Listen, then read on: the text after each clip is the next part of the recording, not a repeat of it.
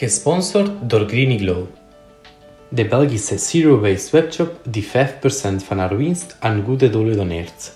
Surf snel naar www.greenyglow.be en ontdek ons assortiment.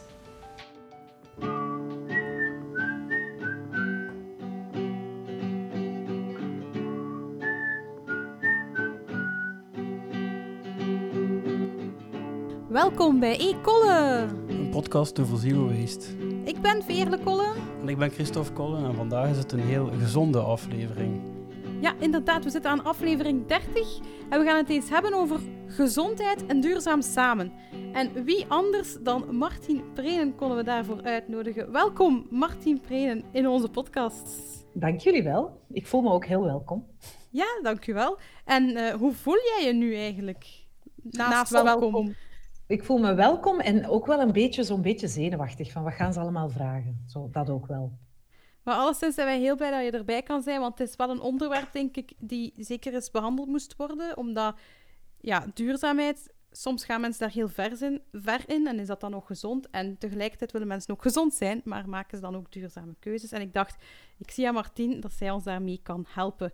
Maar we gaan eerst een paar nieuwtjes vertellen, heel kort. Uh, in mijn leefwereld is er iets nieuws sinds 1 januari 2021.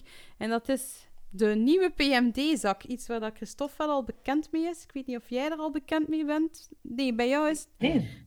Bij mij zijn het nog de oude, denk ik. Ja. Ja, want nu noemen we het de blauwe zak, hè. Ah, nu noemen we het de blauwe zak. PMD, ja. Ja. Uh, dus bij mij mag daar nu ook zo... Er mogen daar ook potjes yoghurt in. Uh, ah ja. Andere... ja, ja, dat is bij ons al een tijdje zo. Ah, Oké, okay, ja. in mijn gemeente was dat nog niet, nu wel. Maar in aflevering 20 met um, Karin van Doorselaar hebben we gezien dat dat daarom niet altijd beter is. Dus ik heb wel besloten om, ondanks dat ik een blauwe zak heb nu, dat ik toch gewoon ga blijven hoe dat was. Dat ik de keuze ga blijven maken in de winkel die ik al maakte van dit is duurzamere verpakking en dat niet. Uh, ik denk dat dat dat dat nog altijd het beste is. Het is niet dat ik nu zeg, joepie, het kan allemaal gerecycleerd worden. Um, maar goed, ik heb de nieuwe PMD-zak. Ik moet er nog een beetje aan wennen. Want nu moet ik ook altijd twijfelen, mag dat al in de nieuwe PMD-zak of niet? dat weet ik, ja, ik, vind, ik vind ook die keuze van wat is een ecologische verpakking, vind ik ook nog altijd ja, heel moeilijk. Dat is, ondanks mijn vele podcastafleveringen en studies, is het nog steeds niet gemakkelijk om te kiezen. En, en weet ik het zelf ook nog altijd niet uh, ja, ik mail dan soms regelmatig eens naar Karin van Doorselaar, maar ik probeer dat te, niet te veel te doen, dat ik die niet elke, elke dag wil lastigvallen. Maar uh, ja, ik zie heel veel variatie en, en nieuwe soorten verpakkingen bestaan en dan weet ik niet van is het nu echt beter of is het een multilayer en lijkt het alleen maar beter. Um, wat wil ik nog vermelden van het nieuws? Is eigenlijk gewoon, we hebben vorige keer onze podcast Talk gelanceerd. Die is um, heel traag op gang aan kopen. Dat is een Facebookgroep, hè? Ja, een Facebookgroep. Ik had al zo'n vermoeden. Ja, ja, dat moet ik er wel bij zeggen. Dus de E-Kolle podcast talk op Facebook, um, ja, die komt wat traag op gang, maar we gaan daar nog wel wat dingen in posten. Maar wie dat er nog wil meepraten over de onderwerpen, bijvoorbeeld over dit onderwerp, gezond en duurzaamheid, uh, die kan daarop terecht op Facebook E-Kolle podcast talk. Of je kan ook onze pagina uh, Zero Waste Podcast volgen op Instagram of Facebook. Oké, ik stel voor, Christophe, dat we nu aan onze maandelijkse rubriek beginnen. Namelijk de... Zero Waste Fail. Ja, oké, het is de Zero Waste Fail geworden dat we eerst gaan doen. Um, wie wil er beginnen? Christophe? Of ja, Christophe? Um, ja, ik, ik, ik, hoop dat Christophe ja, okay. gaat beginnen. Dan kan ik horen hoe goed jullie het ja. doen. en we gaan schamen. Het is een beetje een, uh, ja, het zit meer in de dilemma-sfeer, waarbij dat ik mij afvraag, ja, het is waarschijnlijk niet goed wat ik gedaan heb. Um, het gaat namelijk over het volgende nu. Um, vlak bij mij, ik liep over straat en vlak bij mij, mij gooit iemand gewoon een flesje, ja, een leeg flesje op de grond. En ja, ik had verschillende redenen uh, om te overwegen om daar niet op te reageren. Een soort ja. van gelatenheid van ja, wat, wat, doet dat nu? Daarop ja. reageren. Ik heb zelf... Of die mens zag er ook, die mens zag er ook niet al te vriendelijk uit. Die dat ja, misschien dat je zoiets had van... Hm. Het, was, het was een bandeke die aan het basketten was geweest en ik liep daar alleen. En ja, het was al duidelijk ook aan alles dat ze al van de coronamaatregelen zich ook al niets aantrokken. Mm -hmm. En ehm, ja, en ehm, ik vermoed ook dat ik niet in het Nederlands kon beginnen, omdat dat ook alweer een, eh, een, een, ja, een drempel drempel. meer is. En, en goh, ik, had ook, ja, ik was ook gewoon niet in de moed om, om, om te beginnen preachen. En, maar ik realiseerde mij dan verder dat ik dat eigenlijk ook gewoon nooit doe. Stel dat de situatie gemakkelijker was geweest om te reageren, denk dat ik dat nog niet gedaan had. Dat is zoiets, dat weet iemand toch. Allee, ze weten toch dat dat niet mag. Dus waarom Ja. zou ik dan reageren? Ja, en dat niet- gebeurt nog zo vaak. Hè. Ik, ik, Ja. ik, zie, ik woon vlakbij een heel groot natuurdomein waar regelmatig mensen wandelen. En zeker nu tijdens corona is dat soms, ehm, ja, naar mijn zin, ik heb dan zoiets van, ze zijn hier met te veel. Want ik ben dat niet gewend. Ik ben gewend om daar bijna ja, alleen te wandelen meestal met mijn honden. En dan zie ik wel eens dat mensen wat wegwerpen. En ik, ja, ik kan daar niet aan doen. Ik heb dan, er komt dan zoiets over mij. En als mijn man of mijn zoon erbij zijn, of allebei, die kijken mij dan aan van, niet hè, rap het op, was weg. Maar ik doe dat dan toch. Ik heb dan zoiets van, maar enfin. En dan kijken de mensen zo. En ik heb nog nooit echt ruzie gehad, maar ja, ik ben toch wel iemand die altijd wandelt met een zak en daar dan alles wat ik vind, ik neem dat mee. Dus mijn. PMD-zak zit soms vol van dingen die niet van mij zijn. Ja, amai. Ja, maar het, het mooimakerszakken, hè. Als je dat Hoe hebt. Nee, dat heb ik. Zwerfvuilzakken, je kunt dat, normaal gezien verdeelt iedere gemeente dat wel. En, eh, Oh ja? Ja, Ja, je kunt dus- dat aanvragen aan de ja. Milieudienst. Wij doen dat alle twee af en toe, zo zwerfvuil gaan rapen. Ja, dat flesje ben ik dan uiteindelijk zelf ook gaan eh Ah ja, opruimen. natuurlijk, ik kon dat toch niet laten liggen. Nee. maar allee, dat heb ik dan wel gedaan, maar eh, ja, dat aanspreek ik, ja, dat is iets dat ik, me, ik weet ook niet goed wat een veel is of niet, is voor beide wat te zeggen, hè. Mm, Maar het ik vind het ook wel- heel moeilijk hoor, maar ja, bij mij is dat dan, ik kan daar niet tegen. En ik, ik ben gewoon wat dat betreft ook soms een beetje dom. Want ja, ik doe het ook niet als ik alleen ben. Als ik alleen ben, zal ik dat niet zo snel doen. Maar als ik mijn grote man of grote zoon bij me heb, dan heb ik altijd wat je meer praat. Ik heb, wel, ik heb het al eens gedaan, eh, gereageerd. Er, er- ik stond als fietser aan het rood licht en een- de auto naast mij gooide iets bijna tegen mij, eigenlijk. En toen heb ik eh, dat opgeraapt en het was pre-coronatijden en ehm, ik heb gezegd, oei, je hebt iets laten vallen. Maar ehm, de blik die ik toen kreeg was moordend, dus dat is ook echt, ik, was echt, ik werd echt direct bang van de blik die ik terugkreeg. Ik ben toen, het was gelukkig groen, ik ben toen keihard weggefietst. Maar ja, daarom, het is eigenlijk vooral uit angst, denk ik, dat ik het dus niet doe. Omdat ik het een keer heb gedaan en, en daarna zo, zo bang werd, dat ik eigenlijk dacht, ja, dit is misschien overdreven. En ik maakte het wel als, als een soort grap, maar dat wordt niet altijd eh, als een grap gezien dan. Dus Ik vind het eigenlijk wel goed aangepakt van jou.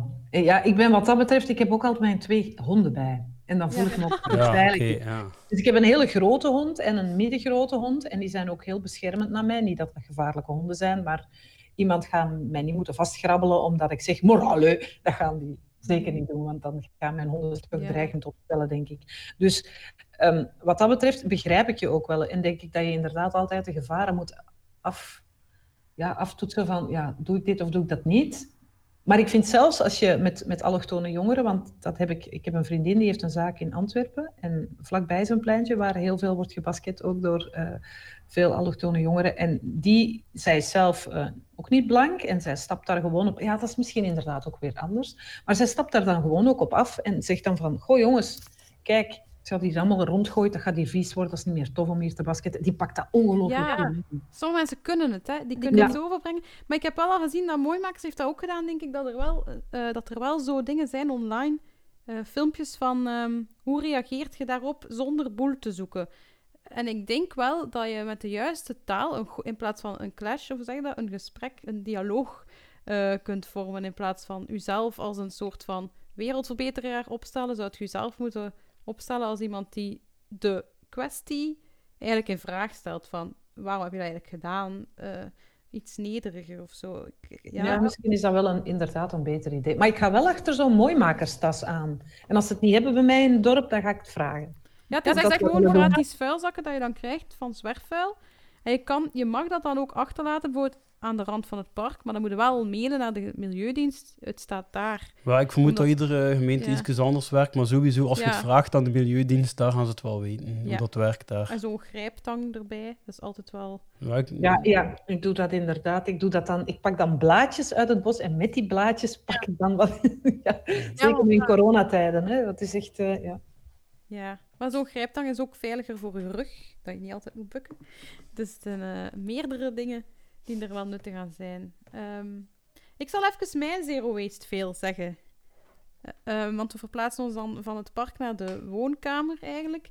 Ik vroeg mij af, ik heb dat ook gedeeld deze maand geloof ik op mijn Instagram, van als je een huisdier hebt, naast het feit dat dat eet en kakt en zo, maakt dat ook dingen kapot. En om de een of andere reden, als, als Odi, mijn kat, iets fout doet en iets kapot maakt, dan, ja, we worden daar wel even kwaad op, maar onze zetel, en nu is hij ook bezig met een soort eh, mooie doos helemaal kapot aan maken, door er gewoon op te gaan liggen.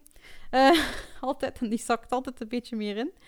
Maar dat zijn dingen dat ik weet van, ja, ik ga die kat niet wegdoen, ik, ga, ik kan hem dat ook niet afleren. En, en ik merkte ook toen ik zoiets postte op Instagram, hoeveel reactie dat daarop kwam van, ja, ik doe dat ook. En, en ik, ik vergeef mijn kat dat direct. Eh, dus ik merk dat veel mensen hetzelfde hebben van ja, huisdieren maken veel kapot. En eigenlijk, de zetel die er staat, ik weet al gewoon van, die is gewoon, ja, een keer, ja, dit is eigenlijk gewoon niet meer om te zien. Die is echt niet meer proper, puur door die kat. En ik weet als ik een nieuwe zetel koop, dat dat gewoon, ja, opnieuw zo zal zijn waarschijnlijk. Dus dat zijn zo dingen, dikke fails, maar waar dat ik ook weet van, dit ga ik niet kunnen... Dit, dit is iets waar ik nooit een oplossing voor kan vinden, zolang dat ik kies voor een kat. Zulke Ja. dingen. Ja. ja. Nou, ik, ik snap het dilemma. Ik heb twee honden en twee katten.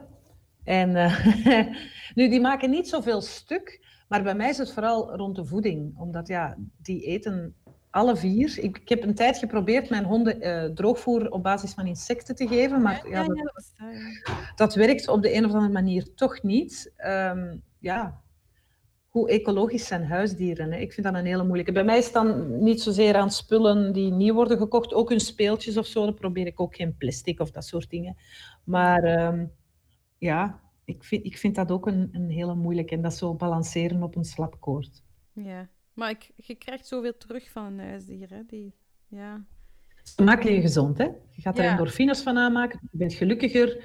Dus doordat je gelukkiger bent, boek, kan je verstandiger omgaan met het milieu. Voilà. Het is ook zo, ja. Dat, dat, dat, op die manier kan ik mezelf zeker vergeven eh, dat ik een huisdier heb. Dat hij mij moed in, inspreekt en zo. Figuurlijk dan. Door een pootje te geven. Ja. Wel, mijn veel van de afgelopen dagen is toch wel... ehm, ik probeer zo vegan mogelijk te eten. Eh, dat is niet altijd mogelijk en dan heb ik het vooral als ik ergens eh, naartoe ga. Nu, in coronatijden is het natuurlijk een stuk makkelijker om eh, als vegan te leven, want ik bepaal grotendeels alles zelf, want ik ben in mijn bubbel. Maar ehm, ik heb mezelf er wel op betrapt dat ik tijdens de feestdagen ongelooflijk veel verpakt spullen in huis heb gehaald. Ehm, en ja, ik vind dat wel heel vervelend, want ik zie dat natuurlijk ook aan mijn afval. Eh, ik probeer wel te stimuleren links en rechts, eh, zoals bijvoorbeeld bij mijn biowinkel, maar dat is een, klein, een kleine zaak. Die mensen kunnen niet in bulk inkopen, want dan moeten ze het weggooien. Dus alles is verpakt. En dat vind ik wel een moeilijke. En dan kan ik natuurlijk zeggen van, oh ja, maar ik ga eh, 25 kilometer verder, is er een hele grote, maar ja, dan moet ik weer een auto nemen. En dat, ik, vind dat, ik vind die balans heel moeilijk en ik heb dus echt wel zwaar gefaild wat dat betreft tijdens de feestdagen. Ja, aan ingrediënten die ingepakt zaten in dingen die, waar, waar ik mijn twijfels bij had, of ze wel... Ja, ik heb heel veel vrienden die mij dit nu ook zo vertellen, wat jij nu vertelt. Ehm, maar ik heb deze week wel echt positief nieuws gekregen. Allee, van eh Anne Rijmen stuurde mij plots een artikel door van in de krant over het feit hoeveel ehm horecazaken die effectief met herbruikbare dingen zijn beginnen werken nu Ja, op dit max, moment. hè? Omdat ze echt... Ten eerste, ze waren restaurants, ze hadden nooit takeaway. Dus ze hebben zoiets van, moeten we dat nu allemaal aankopen? En dan ook van, we kunnen beter ons eigen servies dat we nu al hebben gebruiken. En de mensen geven dat e- effectief ook terug. Dus dat vond ik zo... Ik vond dat echt een tof artikel eh, om te lezen. Ehm, ja, ik ga dat ook eh, posten, denk ik, eh, in de show notes binnenkort. Maar ehm, ja, ik, ik merk dat eerst moet de frustratie er zijn, denk ik soms. Het moet even wel ambetant worden voor beide partijen, klant en, en hoe zeg je dat? Producent. En dan, dan komt er duidelijk wel een oplossing. Want nu was het echt overdreven veel. En, en nu begint het volgens mij weer terug te minderen. Ja, ik heb het ook gemerkt in. ehm, ik heb, op een bepaald moment ben ik ook iets gaan uithalen hier bij ons in het dorp. En dat zat inderdaad allemaal wel heel netjes in volledig biodegradable verpakking, wat ik echt de max vond. Maar dan deden ze dat dan wel weer in grote kartonnen dozen. En dan had ik zoiets van, dat hoeft dan toch niet in zo'n mooie soort van hele grote taartdozen. Dat hoeft voor mij niet. Ik, zal, ik had zelf ook mijn zak bij. Ik kan dat daar allemaal in doen, die kleine bakjes. Ehm, maar ik denk inderdaad, wat jij zegt, dat heel veel eh, ja, nieuwe uithaal, de nieuwe uithaal, dat mensen zich wel bewuster worden van of wat voor verpakking geven we mee, of we vragen een soort van eh, extra setje, je brengt het terug. Eh, ik heb ook ergens geweest en dat was zo echt zo het oude servies dat ze volgens mij zo in het kringloopcentrum waren gaan halen en je moest daar dan wat extra voor betalen. En als je het terugbracht, kreeg je je geld weer terug. Vond ik ook wel een hele leuke. Maar ik vind dat biodegradable, als het dan helemaal ja, goed is om te verteren in de natuur, waar ik mezelf altijd weer vragen bij stel, Ja. dan vind ik dat wel een goed initiatief. Ja, biodegradable, dat weten we inderdaad, inderdaad dat dat niet altijd zo biologisch afbreekbaar is als we denken. Het was onlangs ook in factcheckers op, op eh, VRT Nu of op 1. Ehm, hebben ze dat echt getest en ze belden naar ehm, het recyclagepark zelf, denk ik. En daarin werden ze van de hak op de tak gestuurd van het mag wel, het mag niet. Op een bepaald moment Ja. zei de persoon... Uiteindelijk "Je mocht het niet, ja, uiteindelijk niet.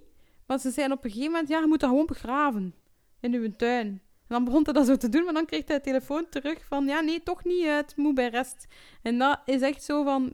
Ik heb die een dag ook weer berichtjes gehad van mensen van, Veerle, dat klopt niet. Maar dat is ook het hele probleem, hè, dat het inderdaad...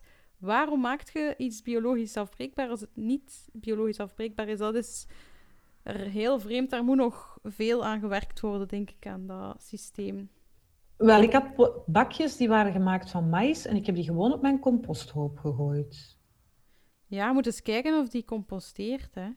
Ja, die zijn, ik zie die niet meer. Volgens mij zijn die helemaal Want ik verstopt. heb wel, ik denk dat mais wel eh, zaken Ja, ik had ook gehoord dat dat een van de beste is om Ja. te verteren op de compost. Dus Hangt er vanaf ook of van een alles. plastieklaag aan. Nee. Ik weet het Eh, niet. nee, past niet. Zo, Nee. keukenrol heb ik toch ook al altijd volledig weten verteren. Ja, ja.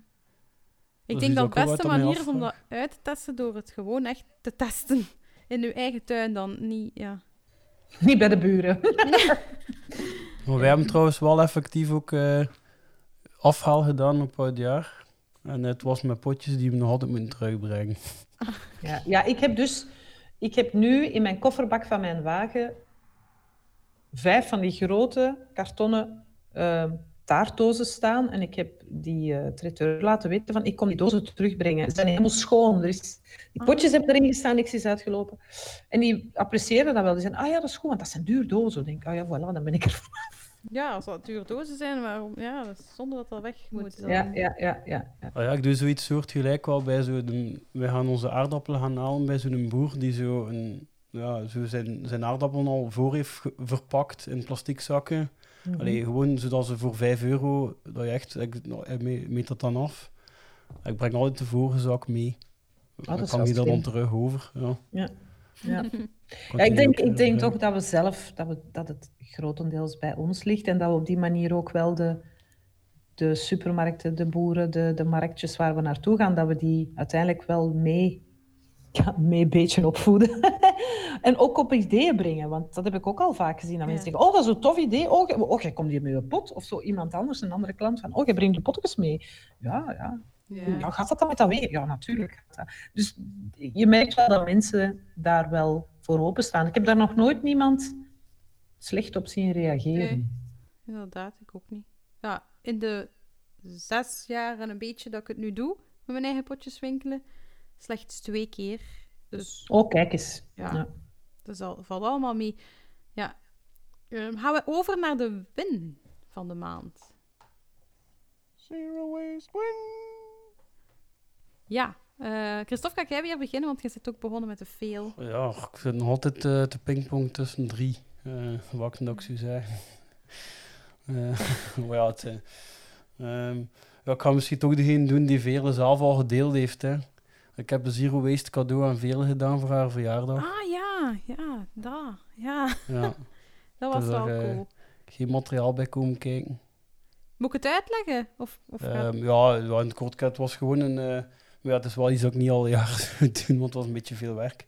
Ehm, het was een, een, een videoclipje waar dat er heel veel mensen in meededen die Veerle kenden van verschillende eh, ja. Familie en vrienden, maar ook zo'n beetje in de, in de zero waste wereld en in de podcastwereld en de vlogwereld en de stripwereld. Overal zo'n paar mensen eh, samengeharkt. En, die hebben iets liefs tegen jou gezegd dan. ja, het was een, eh, ja, in het kort was een, eh, eh, ja, nee, want ik heb het niet te verjaardagachtig gemaakt om het een beetje tijdlozer te maken. Het was een van onze, onze gemeenschappelijke hitjes van vroeger dat we naar luisterden, een punkrocknummer eigenlijk. En ehm, ik heb iedereen één klein zinnetje daaruit gegeven om te zingen. Oh, wauw. Dat is wel dan- creatief Ja, ook, zeg. Dan- Wauw. ja, ja. Echte verrassing. En dan, eh, ja, en dan ook nog mensen een niet-zingende rol gegeven die dat Mhm, mhm. niet wouden of die ik dan niet durfde vragen. ah, super. Ja, nee, het was echt een mooi cadeau. En, en ja. Ik, ben, ik heb er vandaag nog Belevenis, twee hè, keer... belevenis. Beleving. Ik heb er vandaag nog twee keer naar gekeken. En elke keer... Het heeft al... eh, ik heb denk ik zes keer moeten kijken om, dat, om iedereen erin te herkennen en te zien. Ah, die doe ik mee, die doe ik mee. En nu nog een keer gekeken. Dus ik ga er nog veel en lang plezier aan hebben. En misschien volgend jaar terug. En allee, allee hetzelfde filmpje. Ik verwacht niet dat Christophe volgend jaar weer zoiets doet. Hint, hint. Ja. Ja, want dat is echt een zalig cadeau. eh, dus Dat ja, voelt nog een je keer bedankt. dan, hè? Dat voelt je geliefd, omdat mensen dat voor u Ja, de moeite hebben gedaan. Ik kan me voorstellen dat dat heel tof is. Ja. Ja, nu, zit ik, nu wil ik dat gewoon ook voor iemand doen, natuurlijk. Maar ja. Christophe, houd u vast. Ehm, ja, d- dat was dus eigenlijk ook wel een beetje Zero Waste Win, toch een beetje voor mij. Maar vooral voor Christophe zeker. Ehm, mijn Zero Waste Win, dat is, dat, is dan veel onnozeler dan eh, dat van Christophe eigenlijk. Ehm, wij waren op zoek naar een, ehm, een luchtverstuiver. Ik weet niet of iemand dat kent. Dat is zo om, om wat geuren, van etherische oliën.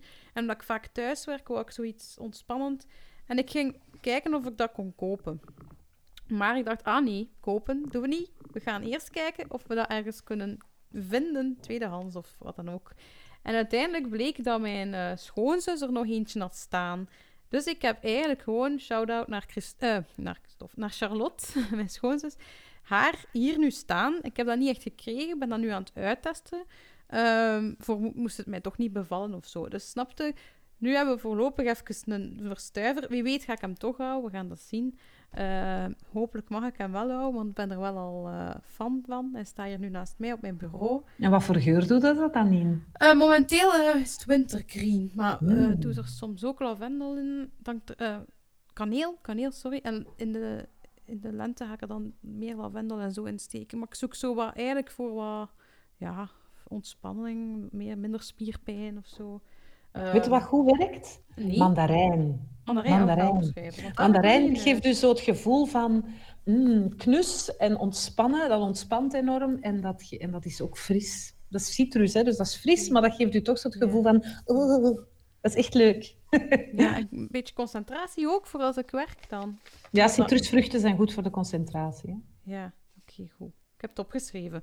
Want ik, eh, ja, ik, ik, geuren zijn heel belangrijk. Ik weet niet, ik, ik kan, mijn gemoed gaat enorm, hangt soms af van de geur. Ik kan ook bepaalde geuren die ik niet kan verdragen, zijn er ook. Ja, dan, ja, dan moet ik weg. Maar ehm, ja, ik vind het aangenaam om zoiets zacht in mijn kamer te hebben. Dus ik vond dat wel een win, dat ik dat dus niet ja, moest kopen en geen nieuw product in huis heb gehaald, maar eigenlijk eerder iets dat iemand anders niet of minder gebruikte. Ja, Mijn win was dat ehm, ik eh, heb regelmatig glazen potten die ik dan koop met kokosolie in. En dat zijn zo'n leuk formaat potten. En ik hou die altijd bij. ja. En met de feestdagen heb ik gewoon eh, potten gemaakt voor de mensen dat ik graag zag. Met daarin mijn wasbommetjes, mijn zelfgemaakte wasbommetjes. Met strikje daar rond en dan voor de deur gaan zetten tijdens corona voor een schoon nieuw jaar. Ja, en dan kun je, die wasbommetjes kun je in de wc gooien, om de wc een beetje te ontsmetten en lekker te doen ruiken. Maar je kunt dat ook uh, in het wasmachine doen, of in de kast waar de sportschoenen staan, voor al diegenen die zonen hebben in de puberteit, ook heel handig. dus uh, voilà, dus ik heb wasbommetjes gemaakt en dat is ongelooflijk ecologisch, heel voordelig en ze hebben daar heel lang plezier van. Ik was er net nog bij, eigenlijk langs een vriendin gegaan, want ik moest heel dringend naar het toilet. ik ben daar gaan aanbellen of ik naar het toilet mocht. En ik ging naar het toilet en ik zag daar mijn botje staan op de wc open, want dat ruikt ook heel lekker. Dus ik had zoiets van, oeh ja, ze worden gebruikt. Dus dat is leuk. Dat is super, ja. En ook dat je dat zo gaan zetten bij iedereen. Heb dat dan daar voor de deur gezet en dan belletje trekken? Ja, een kerstkaartje erbij. Echt, en weg? Ah, zo leuk. dat is wel een plezante verrassing. Ehm, oké. Ik stel voor dat we het over gezondheid gaan hebben nu. En uh, duurzaamheid eigenlijk. Ik ga beginnen met een... Ben je klaar, Martien? Ik ben er klaar voor. Shoot. Want ik ga beginnen met eigenlijk een, een soort... Ja, een algemene vraag een beetje. Um, Denk je dat dat samengaat? Zijn dat twee dingen die los of apart van elkaar zijn of samengaan? Gezondheid en duurzaamheid? Ik vind van wel. Ik vind absoluut van wel. Vooral omdat als gezondheidscoach adviseer ik mensen altijd van eet uh, naar gelang de seizoenen, eet dat wat de natuur je op dit moment geeft. Met andere woorden, het hoeft echt niet ingevlogen te zijn vanuit Holder, Bolder. Um, dat wat de natuur je nu geeft, daarin zitten de vitaminen en de mineralen die je lichaam beschermen tegen eigenlijk de ziektes die je nu belagen. Dus um, als je bijvoorbeeld, uh, zeg maar iets, dat zoiets heel, heel, heel, typisch, september, oktober, de scholen beginnen weer, kinderen krijgen snotneus en dan beginnen moeders uh, appelsiensap te, te, te persen. Vitamine C. En dan heb ik zoiets ja. van, één, als er nog aardbeien zijn, geef ze aardbeien. Twee, als de noten uit de bomen vallen, geef ze noten. Want daarin zit precies die goede vitamine C-samenstelling die nu goed opneembaar is. Want het is in deze tijd van het jaar dat we die vitamine en mineralen willen opnemen. Want we leven hier in het... Uh, in een klimaat waarin de noten uit de bomen vallen in september, oktober. Dus eet dan alsjeblieft noten en ga geen sinaasappels persen. Dus wat dat betreft vind ik dat, dat ecologie en, en, en gezonde levensstijl naadloos uh, op elkaar vallen. Ja, dus eigenlijk groeit er hier op het moment dat we het nodig hebben, al, allee, de dingen die we nodig hebben op dat moment. Toch die, die lang bewaren. Hè? Dus uh, nu zitten we bijvoorbeeld met de koolsoorten die, oké, okay, ja, ze hebben wel een geurtje, maar je legt ze bijvoorbeeld, hè, als, stel dat je ze bij, de, bij, de, bij ons is dat spurrieveld of bij een boer bij, gaat halen, dan leg je ze gewoon -hmm. koel en ze bewaren heel lang. En ze zijn, ze zitten, er zitten zoveel goede stoffen in alle koolsoorten. Uh, preventief, weerstandsverhogend, uh, voor antiparasiet, antibacteriën. Dus ga kolen eten, zelfs al zit daar een geurtje aan. Alles met zwavel, wat je nu eet, hè, er zit heel veel zwavel in. En die zwavel is juist zo ondersteunend tegen bacteriële infecties. Dus ik vind... Uh, wat dat betreft, ja, het, het, hoeft niet altijd zo ingewikkeld te zijn. En dan heb je, ben je ook zonder verpakking aan het kopen, hè, want uh, het hoeft niet uh, ingepakt van ergens uh, heel ver te komen. Maar ook, ja, ga, ga bij de plukboer of ga bij de... Ga het rechtstreeks als het kan bij de boer halen. Als je in de stad woont, is dat natuurlijk moeilijker, dat begrijp ik ook wel. Ja, maar dan heb je wel waarschijnlijk groentepakketten en andere... Ja, wel veel ja, loka lokale dingen ook. Allee, pakketten die van lokalere boeren komen in de stad, denk ik. Uh, maar je sprak daar ook over uh, vitaminen en zo. En ik had daar ook een vraagje over. Want ik heb je boek gelezen van Het zijn de hormonen. En daarin stond er ook... Um, regelmatig werd er ook verwezen naar die bepaalde vitamine. Maar je sprak ook van supplementen, denk ik.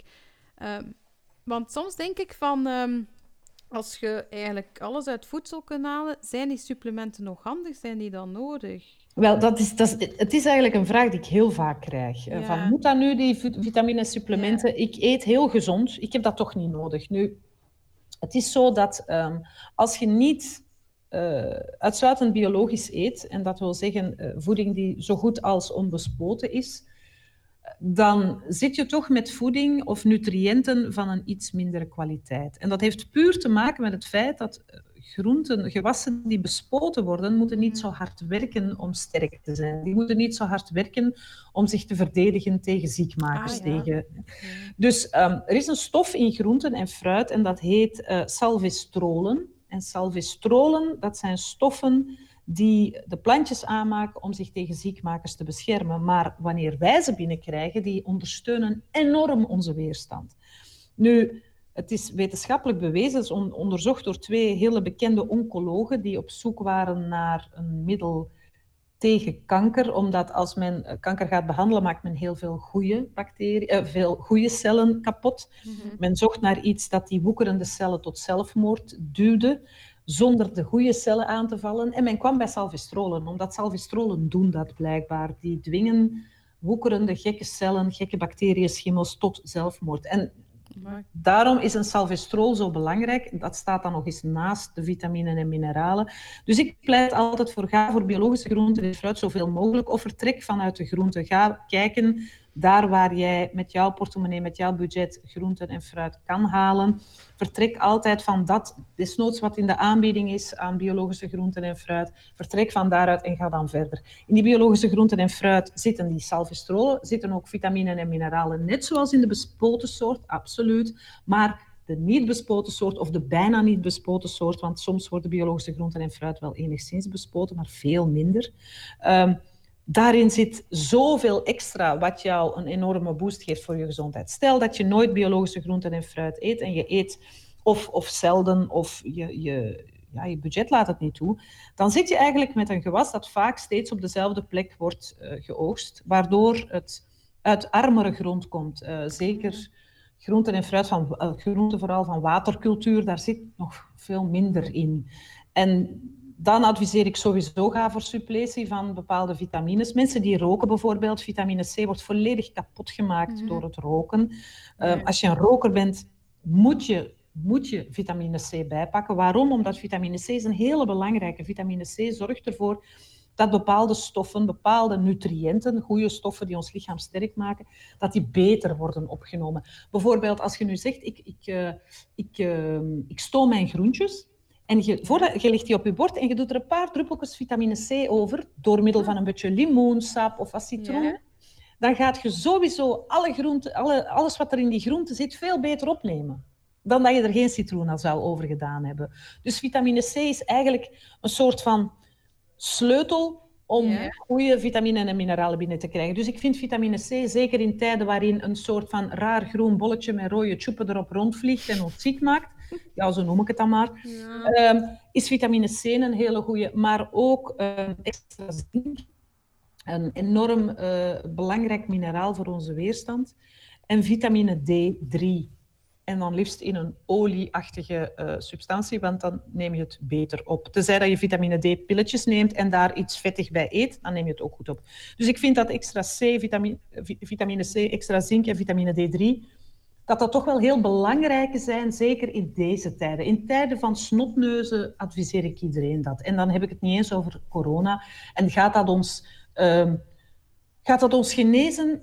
Nee, uh, ik ben ook geen arts, ik ben een gezondheidscoach. Maar ik adviseer mensen wel van probeer je weerstand extra te ondersteunen door middel van die supplementen wel te nemen. En als jij alleen maar biologisch eet en je hebt geen stress en jij leeft in een hele zuivere omgeving en uh, jij wordt nooit belaagd door weet ik veel wat, wat jou enigszins zou kunnen verzwakken. Dan heb je dat niet nodig, maar we leven wel in het Westen. En ja. zijn overal, helaas. Oh, dus ja, een extra, een extra suppletie van voedingssupplementen zou wel fantastisch. Is toch wel nodig. En het zou een fantastische droom zijn, inderdaad, als we het niet nodig hadden. Maar ik vrees toch dat we het nu toch wel wat nodig hebben. Ja, want ehm, ik zie ook op uw kanaal, want je zegt ook zelf, je bent gezondheidscoach. En ik zie ook op uw YouTube-kanaal dat je veel tips geeft ehm, voor een ecologische en gezonde levenswijze. Hè, via 10 minuutjes. Ik vind dat wel een toffe titel. Um, maar zijn er ook momenten dat je zelf ook minder voelt? Ja, Tuurlijk.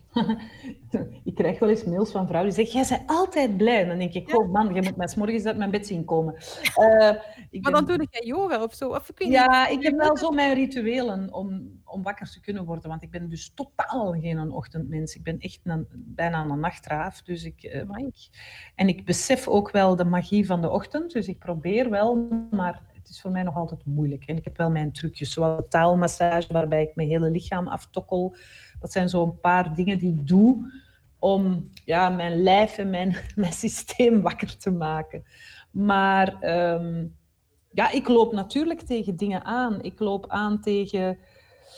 We hadden het er straks over, hè, mensen die verpakkingen weggooien. Ik, ik loop vaak aan tegen het gedrag van andere mensen. En dan heb ik het vooral naar andere levende wezens toe. En dat, dan heb ik het over dieren, over bejaarden, andere mensen, kinderen, hoe, hoe, mensen soms met anderen omgaan, vind ik, daar heb ik het soms wel echt moeilijk mee en daar kan ik echt kwaad om worden en ook wel verdrietig van zijn. Maar ehm, ik heb gekozen voor een hele positieve aanpak en op een positieve manier raad doorgeven, omdat ik denk dat dat de enige manier is dat het werkt. Als je met een vermanend vingertje staat te zwaaien, dan krijgen mensen nog maar pukkels van. Ik ook hoor, trouwens. Als mensen ja. mij gaan toespreken, moet ik het wel doen. Word ik ook zenuwachtig van. Ja, ja nu je dat zegt van positieve manier, dat is ook zo met dat zero waste gedoe, dat ik dat zelf ook besloot van mijn eerste jaar dat ik daarmee begon, heb ik echt mensen op de vingers getikt. En dat is niet goed. Uh, ik word daar zelf ook niet gelukkig van. En nu heb ik echt de regel van ik mag alleen maar het zero waste doen waar ik gelukkig van word.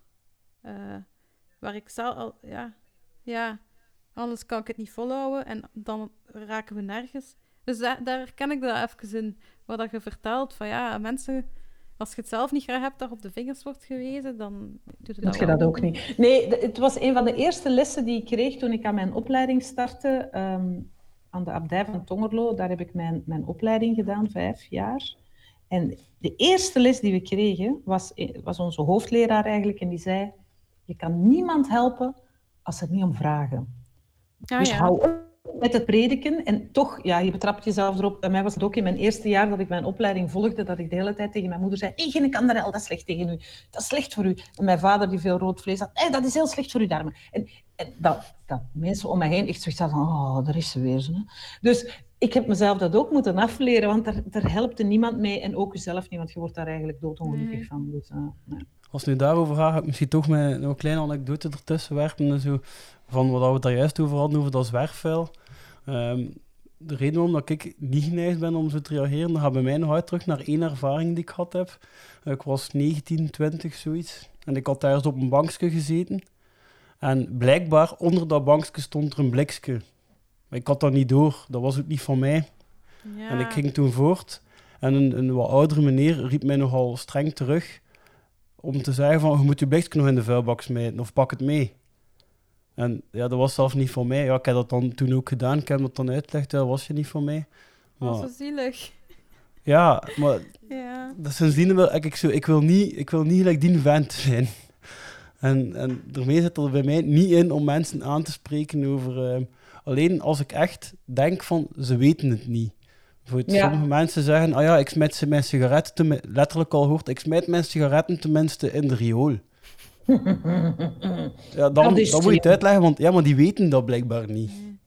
En dan, dan, dan is er nog een reden om, om iets uit te leggen. Maar ja, maar ja iemand die, die een flesje op straat gooit, ja, die weet dat dat niet de bedoeling is. Hè.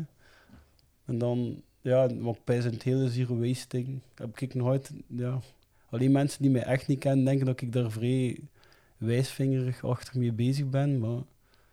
Je bent vooral aan het zoeken ja. altijd voor uzelf. Wat was eigenlijk de antwoord op de vraag, wat zijn de grootste frustraties? Was het meest, en dat zijn dan die dingen, ze mensen... Ja. Ja. Ja. ja, bij mij, bij mij en, en ik, ik, ik krijg ook zo vaak vragen van mensen van, ja, en, en, en ja, ik wil ik ook wel gezond leven, maar dat gaat niet, ik heb daar geen tijd voor.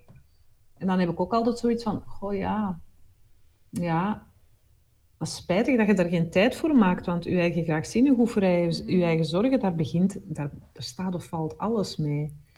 En ik denk dat dat precies zo is met uh, afval weggooien. Goed voor je planeet zorgen. Ja. ja. dat is toch ook goed voor je eigen zorgen? Ja, ja, het, is wel, het is wel een beetje, ik heb mij ook wel verdiept in het YouTube-kanaal en in, het boek over de hormonen. Mm -hmm. um, en het kwam op mij ook op dit moment nu nog overal. Het is heel veel. En waar moet ik beginnen? Mhm. Ehm, want want uh, heel veel dingen die ik allemaal zo ergens in mijn achterhoofd wel weet. Natuurlijk doe ik dat niet zo. En natuurlijk is het zo eigenlijk gezond. Ja, ja. maar met dat zero waste, met het hele zero waste verhaal ben ik uh, verwend geweest door uh, met die podcast hier te beginnen. En eigenlijk ja, stapje per stapje zijn wij daar aan doorlopen. En dan focus ik enkel daarop. Maar het is voor mij momenteel... ehm, het komt ook samen met... ehm, ik, heb, ik heb ook een, een, een boek gehad van... Ja, kunnen we in de show notes zetten. Ik kan nu niet... ehm, Mhm. Over eh, gezonder werken, omdat wij allemaal zijn gaan telewerken bij Ja. op het werk. En wij hebben een sessie gekregen en iedereen heeft het boek gekregen van diegene die de sessie heeft gegeven. Daar staan ook veel... eh, het komt een beetje samen met je boek, die voor mij, zo van, om gezond Oh, te leven. Mhm.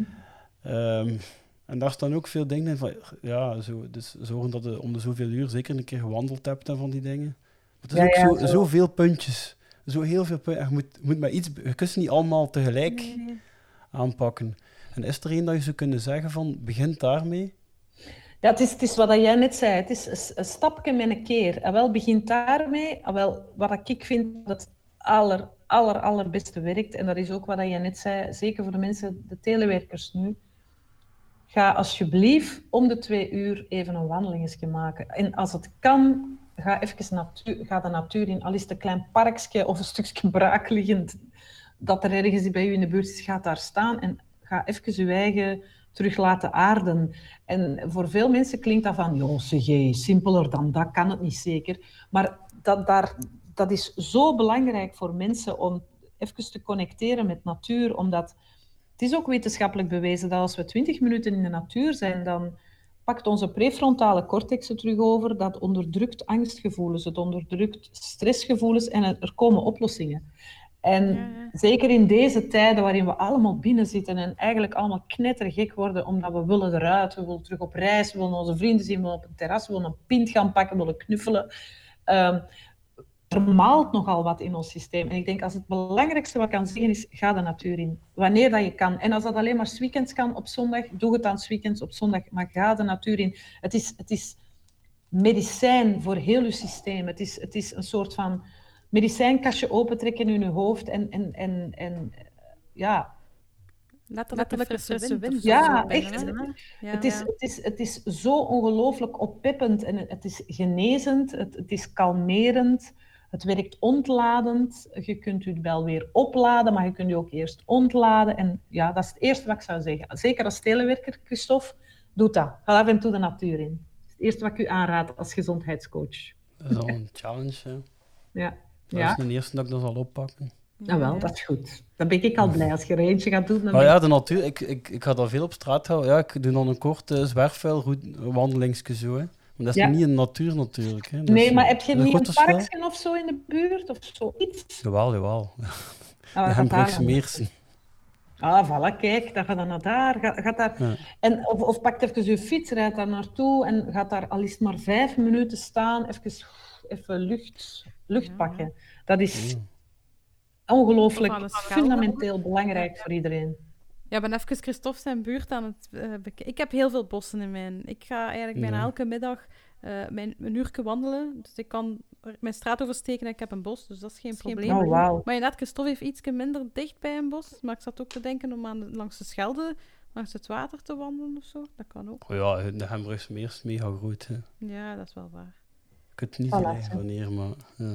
Ja, Ja, voilà. ja. Dus je weet waar je naartoe moet volgende keer. En echt zo, het is ook zo dat je brein, uw, uw, uw, uw spanning van je brein, uw concentratiespanningsboog, is eigenlijk voor een volwassen mens ook niet zo lang. In principe is het vier uur is echt het maximum met daarin drie pauzes. Dus in principe is het 25 minuten, 5 minuten, pa- 25 minuten focus, 5 minuten pauze, 25 minuten focus, 5 minuten pauze, 25 minuten focus, 5 minuten pauze, 25 minuten focus, 25 minuten pauze. Anders kan uw brein niet meer opnemen, vertraagt uw werkbrein, vertraagt uw focus, uw concentratie. En als je dan echt die 25 minuten pauze neemt na die vier blokken van 25 minuten geconcentreerd werken, kan je daarna weer opnieuw beginnen voor vier uur, met die pauzes dan. Terwijl als je dat niet doet, dan raakt je brein gewoon op en, en, en gaat je veel langer bezig zijn dan dat, dan dat je een break neemt van 25 minuten. Ja. ja. Ik heb mijn boeken zo geschreven, allemaal. Echt? En heb je zo'n Ja. klokje dan gezet? Ja, ik werk met die Pomodoro-techniek die ik in een, mijn boeken heb, in een van mijn boeken heb beschreven. En dat is dus die 25, 5, 25, 5 enzovoort. En dat is, ik moet dat, want ik ben een totale chaot. Mijn brein dat stuitert alle kanten uit als ik niet iets doe om mezelf te dwingen om mij te focussen. En de, eh, ja, ik ben het gaan toepassen vanaf mijn derde boek, denk ik. En ja, alle volgende boeken, zijn er ondertussen zeven, zijn op die manier geschreven. En dat is voor mij de enige manier hoe ik gefocust kan werken, want anders gaat het niet. Zo- zo- En tijdens die 25 minuten focus zet ik dan natuurlijk ook mijn telefoon af, kijk mijn social media niet na enzovoort. Wat niet altijd makkelijk is hoor, heel verleidelijk. Ja, dat zou eigenlijk op iedere werkplaats zo'n klokje moeten hangen. En dan, ja, vijf minuten pauze. Ja. Ja? En nu aan het dansen, even wat ja. muziek op, wop. Ja, Er inderdaad. zijn bedrijven die dat zeker al doen, denk ik. Ja, ik ja, absoluut. Van die techniek. Of wat tai chi, of eh, bewegen. Of een taalmassage, dat kun je in een minuut doen. Dat werkt ook. En hoe is dat dan? De taalmassage is eigenlijk een, een eh, massagetechniek eh, die komt uit het boeddhisme, waarin dat je eigenlijk... ehm, er is nu heel veel te doen rond het tapoteren en tokkelen enzovoort, enzovoort. Maar dat taalmassage is eigenlijk een hele simpele massagetechniek, waarbij je eigenlijk van kop tot teen je lichaam, de harde delen van je lichaam, dus de benige delen, dus je schedel, schedel je jukbeenderen, je kaak, eh, je borstbeen, allemaal aftokkelt van boven naar beneden. En, en ehm, Wat ben je aan het doen? ja. Het Het is meer met de vingers, hè? Het is Ja. meer met de vingers. Ja, je, de, de, de schedel is echt met de... Maar dan hier is het met je, met je vingers. Dus je, je doet je schedel tot eigenlijk net boven je atlas, waar zich heel veel stress eh, voor vastzet. Rond je oren. En dan ga je naar je gezicht met je vingertoppen inderdaad. Je armen doe je ook weer met je vuist. En zo, dat is een techniek, dat duurt een minuutje. Ik doe dat elke ochtend in een douche. En dan ben je heel wakker. Waarom? Ja, je bevloeit al je organen met zuurstofrijk bloed. Je stimuleert eigenlijk je, je bloedsomloop natuurlijk. En daardoor komt er meer zuurstof waar het moet zijn. En dat werkt ongelooflijk goed. En dat geeft ook een soort van klein, ja, eh, power, power boostje. Ja, kan er wel ergens in komen dat je zo gelijk jezelf overal een keer goed wakker maakt. Ja, je voelt dat ook. Dat, je, Ja. heel je lichaam wordt warm. En, zo. Ik Ja. had Ja. Al gezien, ik daarover. Ah, voilà. Christophe is al helemaal mee. Ah, ah, man. ja, ja, wist dus. Ja. Ehm, ja, over de YouTube-filmpjes gesproken. Je hebt ook een boek dus, die we allebei hebben ge- gelezen en doorgenomen, over het zijn de hormonen. Je hebt meerdere boeken geschreven. Ehm, maar die een boek ehm, is denk ik de recentste die je hebt. Die je hebt Ja, het zijn de hormonen is mijn laatste boek, ja. Wel, ehm, dan daarin noemt je, en het feit ook al door de titel, maar de hormonen noemt jij daar de baas. ja. Waarom kiest je daarvoor om dat zo te noemen, van die zijn de baas? Goh, in ons lichaam zitten er een paar dingen die onzichtbaar zijn en die heel bepalend zijn voor wie we zijn en hoe we zijn. En eh, dat zijn bacteriën en hormonen. En ehm, hormonen die zijn heel bepalend in, in, als je kijkt naar, is uw lontje lang of is uw lontje kort? Is voor u het glas half vol of is het half leeg? Ehm, het is zo dat hormonenstelsel, dat, dat omvat heel veel klieren in ons lichaam, in ons menselijk lichaam. En die maken dus hormonen aan. Dus het hormonenstelsel, dat zijn allemaal klieren die hormonen aanmaken. En die hormonen, dat zijn als het ware chemische boodschappers die ervoor zorgen dat ons lijf werkt zoals dat het moet werken. Hè? En soms ook hapert of juist niet goed werkt. En dat komt dan door een disbalans. En een disbalans van de hormonen, dus een hormonendisbalans, om het netjes te zeggen, ehm, die kan zorgen voor fysieke en mentale problemen. En vandaar dat ik zeg, hormonen zijn baas, omdat ze zijn heel bepalend. En ze kunnen dan bijvoorbeeld bepalen dat we ineens veel minder goed tegen stress kunnen, eh, moeilijk zwanger worden, slecht slapen, een libido hebben dat in het keldergat zit, eh, noem maar op. Dat ligt eigenlijk allemaal, eh, daar liggen de hormonen meestal aan de basis. En daarom zeg ik, de hormonen zijn baas. Ehm, dus die balans van die hormonen, daar wringt eigenlijk het schoentje, want het hangt een beetje af van ehm, de hoeveelheid stress die je krijgt en hoe je met stress omgaat, maar ook ehm, milieu, de levensomstandigheden, hoe goed je spijsvertering werkt, hoe, of je veel beweegt, of dat je goed slaapt. Dat zijn eigenlijk allemaal dingen die bepalend zijn voor die hormonale disbalans. En ja, als je nu om je heen kijkt in deze tijden, kan je wel ja, een beetje voorstellen, mensen zijn angstig, hebben stress, eh, zitten opgesloten of voelen zich opgesloten, ehm, gaan te weinig naar buiten, bewegen te weinig. En dan krijg je allemaal mensen die uit balans zijn, snel boos zijn, ehm, en eigenlijk stuk gelukkiger of minder comfortabeler leven dan zou kunnen als die boel in balans zou zijn. En daarom heb ik dat boek eigenlijk geschreven. Ja, want in dat boek ga je ook... Je, hebt een aantal recepten in dat boek gezet, uh, die er eigenlijk... Je, je, legt eigenlijk de link tussen die recepten en die balans van die hormonen. En je verwijst soms van, dit receptje zou kunnen helpen en zo. Um, kan je even de link tussen voeding en die hormonen en de balans en zo een keer uitleggen aan de luisteraars? Ja, ik snap dat je dat zegt, omdat veel mensen denken bij hormonen aan uh, ja, de menstruatie en de menopauze. Hè. Dat ja. is iets waar we aan denken als we... Of pubers, hè, dat is hormonen. Maar... Um, pubers, ja, ja. ja, ja hè, dat is ook hormonen. Dat waren ook die stinkvoeten van de straks. Maar, um, maar de darmen en de spijsvertering die zijn ongelooflijk belangrijk voor onze hormonen. En um, de darmen zijn eigenlijk, ja, daar staat of valt ook een heel groot deel van wie we zijn mee. En dan heeft het te maken met bacteriën en het heeft te maken met hormonen. Want heel veel hormonen worden ook in de darmen aangemaakt. Nu, um, vroeger vroeg de, vroeg de huisarts aan mensen, en kunt je goed kakken? Hè? Uh, mm-hmm. Waarom vroegen ze dat? Omdat als uw stoelgang goed is, dan wil dat zeggen dat uw darmen en uw lever waarschijnlijk goed hun werk doen. Hè? Gaat je niet genoeg of gaat je te veel, dan wil dat zeggen dat daar al iets, iets goed, iets uit balans is of uh, niet goed werkt. Um, en dat is eigenlijk omdat de lever, die... Wacht, hè, want ik ga het proberen in een nutshell uit te leggen. Dus de lever die filtert gebruikte hormonen uit ons bloed. En die gaat die dan via de gal terug in de darmen brengen. En daar gaat dan naar de gezonde darmen. En de gezonde darmen die gaan dan recycleren, zijn zeer ecologisch. Dus die recycleren die oude hormonen. Die maken daar terug fris spul, allez, wat frisser spul van. Die halen de afval eruit. Dan gaat dat via het bloed terug naar de lever. En hop, terug als goede frisse hormonen weer het lichaam in. Dat wil dus eigenlijk zeggen dat lever en darmen dat die heel belangrijk zijn. Um, en die zorgen eigenlijk voor bijvoorbeeld hormonen zoals neurotransmitters, die impulsen overbrengen via de zenuwen.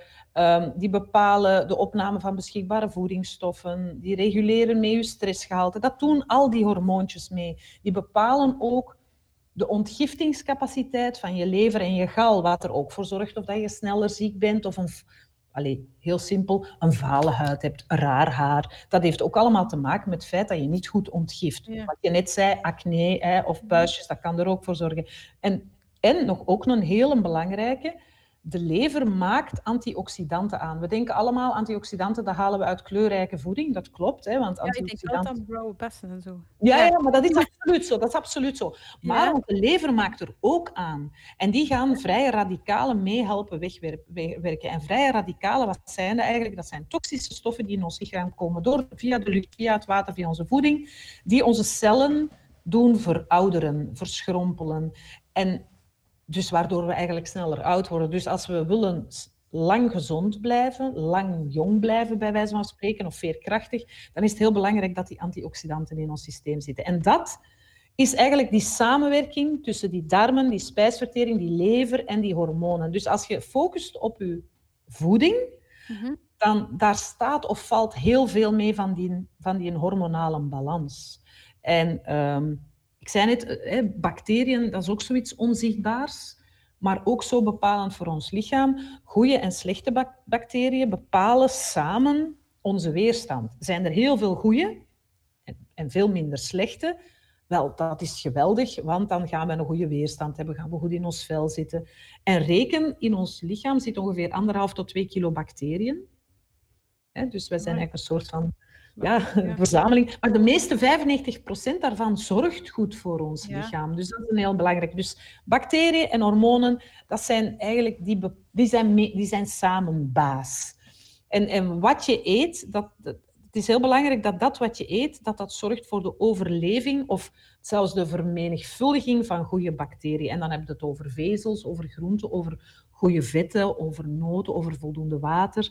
Over bijvoorbeeld dingen zoals gefermenteerde voeding. Hè. Zuurkool is het meest ja. voor de hand liggende. Dat, dat zijn allemaal goede dingen voor onze darmen. Want die darmflora die heeft echt goede voeding nodig. Dan krijg je energie, dan krijg je weerstand. En dan krijg je een goede hormoonproductie en hormoonrecyclage, wat ik net zei. Want dat, dat is iets wat ze nog niet zo lang weten. Hè? Dat in onze darmen dat oude hormonen worden gerecycleerd en terug hergebruikt Dat is iets wat we nog maar twee jaar weten. Amai. Het is echt een circulaire economie eigenlijk, uw lichaam. Hè? Echt zo- Voilà, voilà. Alles absoluut. terug Ja. in gang gestoken. Ja. Ehm, Het is een biologisch dynamisch systeem. Ja, echt eh, Ja. perfecter kan bijna niet, dat wil zeggen. Als het Ehm, goed werkt. Ja, als het goed werkt. Ehm, ik las trouwens ook over het knuffelhormoon. Dat, was, dat, dat, dat heeft ook een moeilijkere naam, maar Oxytocine. voilà, oxytocine, maar ik vind knuffelhormoon een toffer woord. Nu, ik, ik, ik heb daar dan zo wat over gelezen en ik dacht van ja, ik merk door corona en iedereen, mensen mogen elkaar minder knuffelen of kunnen elkaar minder knuffelen en iedereen heeft een huisdier.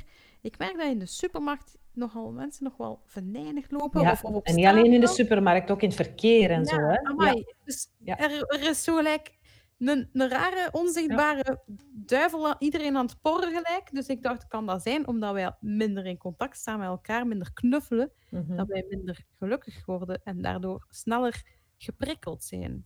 Ik Hangt ben ervan overtuigd dat jij gelijk hebt. Ja, ik denk dat er ook Eh, bewijs ik- voor is, maar toch. Nee, ik, wel, oxytocine is het meest onderzochte hormoon ter wereld. Hè. Dat is een heel tof, want dat is eigenlijk een tof hormoon. Oxytocine zorgt ervoor dat we graag bij elkaar zijn. Als we oxytocine afgeven, dat op de een of andere manier vangen andere mensen dat op en willen liever bij je zijn. Dat is bijvoorbeeld een bruid, die stoot gigantisch veel oxytocine dat? uit. En dat is de reden waarom als we op een trouwfeest zijn, dat we mee in die roes gaan. Dat is echt Ja? een oxytocine roes. En een leuk feest. Iedereen wil er ook bij staan en foto kan maken. En, Ja. dat, is, dat is oxytocine. En, en ook oxytocine, een zwangere vrouw of een vrouw die bevalt, die, geeft, die maakt gigantisch veel oxytocine Oh ja. aan. En volgens mij is dat ook een van de redenen waarom aanstaande vaders de bevalling van hun vrouw overleven. Want die oxytocine die zorgt ervoor erbij te blijven, ja. ja, nee, maar ook die vrouw die zo'n brullen en het gillen en aan het, en aan het grauwen. En, aan het- en op het moment dat dat kindje er is en dat ze dat kind vast heeft, dan is ze een en al verliefdheid naar die baby, naar haar partner toe. En dan is alles weer goed en dan is alles vergeten. En dat is ook wat oxytocine doet. Maar in deze tijden waarin we elkaar inderdaad minder aanraken, want dat is eigenlijk... Hè, veel mensen zeggen, ja, hè, de mannen denken dan vaak, is, is het dan alleen maar als we bevallen of met een wit kleed rondlopen dat we oxytocine aanmaken? Nee.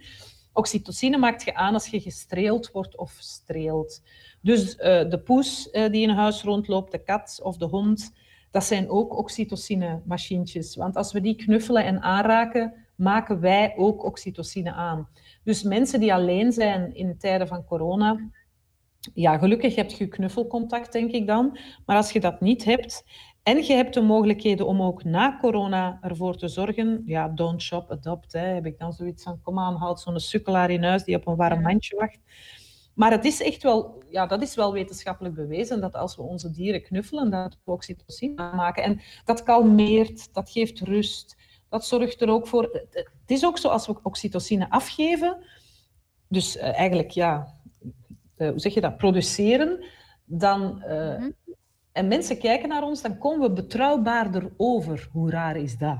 Dus dat, dat maakt ons eigenlijk nog aantrekkelijker. En ehm, als, we Ja. seks hebben, als we seks hebben, maken we trouwens ook heel veel oxytocine aan. Maar ja, voor alle alleenstaanden in de wereld van corona, ja, dat, dat is dus één een hoop ehm, oxytocine tekort. Hè? Die zit echt in de kast, die oxytocine. En als je niks hebt of niemand om mee te knuffelen, al is het een hamster, ja, dan dat, is, dat, is, dat zorgt voor bittere boosheid, denk ik wel, bij veel mensen.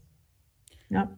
Ja, het is meer knuffel, ja, zo, zo snel mogelijk hopelijk. Weet je wat ook helpt? Weet je wat ook helpt? Uzelf masseren. En ik heb het niet over de erotische vorm, maar ik heb het erover, pakt uw voeten vast, eh, neemt een lekker eh, eh, olietje met lekkere druppeltjes, bijvoorbeeld die mandarijn, wat ik daar straks zei, etherische olie van mandarijn, dat geeft u een gevoel van, ja, een gevoel van, mm, ja, lekker, ja, ik ben thuis, het is veilig. Doe een paar druppeltjes eh, mandarijnolie in uw massageolie of gewoon kokosolie en masseer uw voeten en uw handen. Zelfs dat zorgt ervoor dat uw lichaam al ontspant en dat je eigenlijk, ja, je knuffelt jezelf dan eigenlijk, maar op zich kan dat helemaal geen kwaad. Ja, en En is dat goed voor u? als je zo'n nachtcrème aandoet of een bodylotion voordat je gaat slapen, is dat dan ook zoiets? Hmm. Dat hangt er dan wel af. vanaf hoeveel tijd dat je erin besteekt. Denk Ja, ik. Want wel, denk ja. dat dat zoiets van klets, klets, klets, poep, Ja. en nu naar bed. Dat is toch een ander ding dan heel bewust ja, jezelf aaien. Ja. En, en, en ik heb dan ook wel zoiets van, en als het dan wel erotiek is en je bent alleen, Ik weet niet of je dan oxytocines aanmaakt, maar ik veronderstel van wel. Dus uh, dit is dan ook weer een lans gebroken voor uh, doe het dan maar met jezelf. Doe het zelf. ik denk dat dat ook minder boze mensen in de wereld brengt.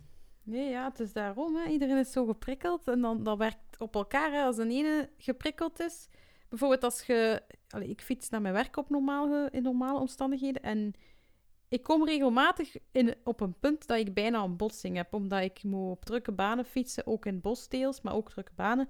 En dan merk ik van, de manier waarop dat de eerste reageert, zo gaat het gesprek evolueren. Is de eerste van, oei, sorry, sorry. Dan gaat een ander ook, oh, het is erg zeggen. Maar is de eerste van, uh, allee jong, wat doe je nu? Dan is heel het gesprek ook zo. Uh, en, en ik moet eerlijk toegeven, soms ben ik de eerste die aan mijn tand reageert. Maar soms probeer ik ook van, als het een goede dag is, van... Nu ga ik proberen, als ik tegen iemand botst, vriendelijk te zijn. En dan, dan heb je een veel rustigere, aangename route. Ook wel lachen. Ja, maar als ik echt al, als alles al tegen heeft gestoken die een dag, dan, dan kunnen we niet meer lachen. Ja, ja. maar ja. ik merk wel hoe, hoe snel dat gewoon dat je iets doorgeeft, iets, iets positiefs of iets negatiefs. Dus ja, dat, dat, dat, dat zijn zo kleine dingen. Um, ik had wel nog een, nog een, nog een vraagje over uw boek ook. Um, mm -hmm. Ik las ook nog iets um, over DHEA, DHA of zoiets. Ja, DHEA, ja, de grondstof ja. voor alle hormonen, ja. ja. Eigenlijk, ja, de grondstof. Want ik las wel dat die grondstof afneemt vanaf uw dertigste. Nu, ik ben net 33 geworden en Christine is bijna 40. Mag dat nee, ik ben 56, ik ben helemaal, uh, bij mij is het helemaal dan. Ja, maar ja. ik denk, wat betekent dat voor twee dertigers en ja, voor u dan bijvoorbeeld? Mm -hmm, mm -hmm. Gaan onze hormonen verdwijnen of, of, of alleen volledig? Nee, nee, het, het, het, het mindert enigszins. Het is zo ja. dat uh, DHEA, dat is eigenlijk, daar, kan je alle, daar kan je lichaam alle hormonen uitmaken. Dus dat is eigenlijk, uh, ja ik noem het in mijn boek de loper die op ja. alle sleutelgaten past. En het wordt door de bijnieren geproduceerd. En normaal, inderdaad, vermindert het na je dertigste. Ja, kijk, in de oertijd werden we ook niet zo oud als ik nu ben. Hè. Ik bedoel, dan zou ik waarschijnlijk al ergens zieltogend in een hoekje van een grot liggen. Maar, maar ik ben nu nog very much alive and kicking. Dus ja, ons lichaam is, uh, is wel niet echt gebouwd op heel oud worden. En daaraan kan je dat zien. Nu, DHEA helpt ook je geheugen. Dat gaat neerslachtigheid tegen, dat is anti-osteoporose, dat stimuleert je immuniteit, dat werkt libido-verhogend. Wil dat dan zeggen dat we als een soort van verdroogde zolderappeltjes... Hè, uh, nee, maar... Um, het wordt door de bijnieren gemaakt. En de bijnieren, dat zijn hele kleine kliertjes die op de nieren liggen. Dat ziet er een soort, als een soort van kabouterhoedje uit. Die zijn heel klein en die doen eigenlijk keihard veel werk. En dan is het, um, mijn inziens, is het dan een, een, een, kwestie van goed voor je lijf zorgen, goed voor je nieren zorgen. Ook proberen je stress uh, te doseren. En zonder stress leven gaat niet. Maar wat ik daar straks tegen Christophe zei, ga die natuur in, dat helpt al. Maar ook zorg ervoor dat je stress ontlaat. Dat je daar niet mee blijft rondlopen. Want een van de bijverschijnselen bij burn-out is een DHEA die bijna helemaal wegvalt. Dat is ook het moment wanneer men uh, extra DHEA gaat voorschrijven, is bij slechte werking van de, van de bijnieren slechte, en, en bij een burn-out. Dus um, zorg sowieso al dat je niet in die danger zone komt, in, in de mate van het mogelijke. En je kan natuurlijk altijd um, laten checken hoe het staat met je DHEA. Dat is door een zuiver, ja, door een hele makkelijke speekseltest kan men kijken hoe jouw DHEA-waarden zijn. En als er niet voldoende aanmaak is, dan kan men je wel wat voorschrijven. Let wel op, je mag dat alleen maar bijnemen. Veel mensen zullen zeggen, ah ja, want dat is een anti-aging ook. We gaan dat pakken. Maar het probleem is als je er te veel van pakt, dus als je niet echt een tekort hebt en dan toch gaat bijpakken, dan kan je echt wel zware problemen krijgen. En dat gaat van zware bloedingen tot, ja, dat gaat heel ver. Dus het is wel de bedoeling, als je dat wil weten, hoe het staat met je DHEA, dat je naar, best naar een orthomoleculaire arts gaat voor, een, voor zo'n speekseltest. Um, omdat ik denk niet dat de traditionele huisartsen dat al heel vaak doen. Um, en dan kijken hoe het daarmee staat. Maar het is wel een van de dingen, zoals dat we weten, dat we ooit sterven, neemt onze DHEA af. Het is gewoon een kwestie van zo goed mogelijk voor je lijf zorgen, waardoor alles in zo opperste, beste kwaliteit of uh, conditie blijft, waardoor ja, je uh, bijnieren goed blijven werken. En is dat dan allee, is dat aan te raden echt om dat te testen? Als je nu voelt dat je echt heel weinig energie hebt, hè, en je, hebt, Ah, je, ja. je wordt wakker moe en dat soort dingen, dat zijn eigenlijk ook al wel voorlopers van, van burn-out, van ja, dat je op je tandvlees loopt, dan is het denk ik toch wel goed om die speekseltest te doen. Nu, ehm, ik weet niet of een, ja, ik, ik weet eigenlijk niet, want ik ken de test dankzij mijn samenwerking met orthomoleculaire arts met wie ik mijn boek geschreven heb. Die heeft mij hier ook over verteld, want ik kende het Nee. ook niet. Hm. Dus eh, ja. Ja, want ik, ik- ja, ik denk dat veel mensen tegenwoordig door de... Ja, maar ook door de...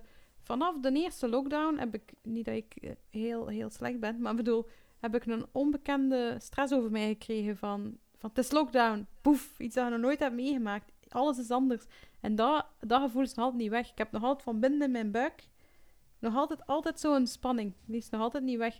En ik, ik ga gaan wandelen, ik ga gaan lezen. Ik leg me in, in de zetel even te ontspannen. Ademenoefeningen heb ik ook al gedaan. Dat moest van mijn kinesist ook. Ehm, maar eh, ja, dus er zijn altijd zo dingen dat ik denk van... Ah, ik gewoon alles zo snel mogelijk normaal is. Want die aanpassing alleen al geeft mij een, een buikgevoel dat, dat ik denk dat... En ik, spreek daarover met, met, met, met, met veel mensen. Allee, eh, digitaal dan vooral. Maar ik merk dat ik zeker niet alleen ben. Of koppijn en zo. Dat heel veel mensen er ook last van hebben. Van, eh, Ja, en echt, wat ik daar straks zei, ga naar buiten. Het is Ja. belangrijk om zuurstof te tanken. Dat is, en zelfs al is het koud, ik ben, eh, het was nu een prachtig, eh, wie- eh, prachtig weekend. Hè. Afgelopen weekend was het zonnig en droge kou. Ga maar wij zijn naar buiten. Ja, ja, Wij ik zijn ben juist op deze plek geweest waar dat niet zonnig was. Ja, we hebben in een wolk gewandeld. Oh Dat is- nee! Maar echt, in Niet de op mist, park. we, we zaten echt in de film Sleepy Hollow, zo in Ja. zo'n bos. Oh, God. Oh, Alle echt- foto's, alle foto's zijn gelijk echt. Je verwacht elk moment dat er ergens zo'n eh, ja, een De grote verschrikkelijke sneeuwman ergens uit Ja, zoiets, ja. Oh, nee, Ja, we zijn wel in de Ja. natuur geweest. Ja. Ja. Maar het gaat sneeuwen ook, hè, donderdag. Dus ga naar buiten en proef. Zoals dat je... Ik, ik heb ook van mijn zoontje geleerd om te douwtrappen. Dus die ging, als hij kleintjes was, vond hij niks zo leuk als in een tuin gaan staan op zijn blote voetjes in het gras. En in het begin zeg je dan als moeder, oh, niet doen. Oh, nee, nee. En op een bepaald moment heb ik dat dan ook eens gedaan. En ik vond dat eigenlijk heel fijn. En eh, je ziet dat jonge kinderen kunnen, dat, kunnen zo heel intens van de, van, ja, de natuur zuigen bijna. En ik vind ze- zelfs als, als, als, als het sneeuwt of als het regent, ga naar buiten. Het is zo belangrijk. Ja, ik heb natuurlijk mijn honden die mij verplichten. Ik niet met mijn honden naar buiten ga, dan veranderen die in vleeskroketjes op pootjes. echt zo dikke, dikke patapoefen op pootjes. Dus, ehm, dus het is belangrijk om, om echt eruit te gaan. En, en dat helpt tegen neerslachtigheid. Het helpt tegen hoofdpijn. Ook genoeg water drinken. Om de, om de twee uur een groot glas water. Heel belangrijk ook. Zeker in tijden waarin we minder buiten zijn en minder ja, zuurstof kunnen oppakken. ik zie nu denken. ja, ik denk er net aan. Ik ga nog wat drinken. Ja. wat water drinken. Mhm. Eh, Oké, ehm, we hebben ook nog een paar vragen van buiten, dus van de luisteraars. Eh Christophe, ja? Ja. Kan je die voorlezen? De eerste, als je moet kiezen tussen duurzaamheid of gezond, wat zou je dan kiezen als je echt moet kiezen? Oh my god. Dat Ja, vind ik een hele moeilijke. Ik denk dat dat toch voor ehm, gezond Bijvoorbeeld van eten of zo. Eh, Ah, ja, dan kies ik voor gezond. Ja, dat heb ik, dat, die ervaring heb ik ook. Omdat, ja, ik wil bepaalde dingen eten die ik niet bulk kan kopen, maar ja, dan koop ik ze toch in een plastic verpakking, omdat ik dit dat wil eten. Ja, dus dan kies ik echt toch wel voor gezond. En eh, ik probeer dan wel te compenseren op ander gebied. Ik probeer het dan wel goed te maken op een ander gebied, zoals met mijn zakje gaan wandelen, vuil op te rapen en zo. Ja, ik kies voor gezond. Ja, ik denk dat dat zelf voor mij ook die keuze is. Allee, ik denk als je ziek bent of als je minder je eigen gezondheid gaat altijd voor. Maar ik denk ook eh, aan nog iets anders. Want ehm, stel, als je veel plantaardig eet, ik krijg die vraag ook soms gewoon van mijn volgers of, of, of van de podcast. Van als je ehm, bijvoorbeeld avocado en zo, dat zijn allemaal gezonde dingen. En, en dat zit ook in je receptjes, heb ik gezien soms. Ja, Dat is dan eet dat heel lokaal. graag. Ja, Ja. dat is super lekker. Maar, Maar dat is doe niet er dan mee? Nee. Dus zijn er dan alternatieven of, of, of ja, Ja, ik vind wel, je- hè, bijvoorbeeld een guacamole maakte ik vroeger altijd met avocado. Nu maak ik dat ook met erwtjes, of met rode biet, of met broccoli, of met peulvruchten. Eh, Als het maar groen is, of met dat boerenkool. is gewoon echt een mixen met, de, met, de, Ja. met look en... eh wat het? Erwtjes kunnen een heel lekkere guacamole mee maken. Dan maakte, pakte gewoon zo'n een, een pot biologische erwtjes. Oei, wacht even. Oh, ik dacht dat mijn ding van. Ehm, een, een pot uitgelekte erwtjes. Ja? Ehm, een paar eetlepels olijfolie, sap van een, een halve limoen of een halve citroen, wat peper, wat zout. En je doet dat in je blender. Mhm. En dan doe je een tomaat, kokend water erover, het velletje eraf, pitjes eruit, kleine blokjes, een halve rode ui, een halve paprika, allemaal in kleine eh, dingetjes. En dat doe je erdoor. En dat is het. Maar het is eigenlijk gewoon dus uw, uw erwtjes samen met olijfolie, peper, zout en limoen en eventueel wat look nog, Ja, of wat ja. lookpoeder. En, en, en dat mixte en dan doe je daar die tomaat, ui, paprika en wat korian- koriander natuurlijk voor de real Mexican taste.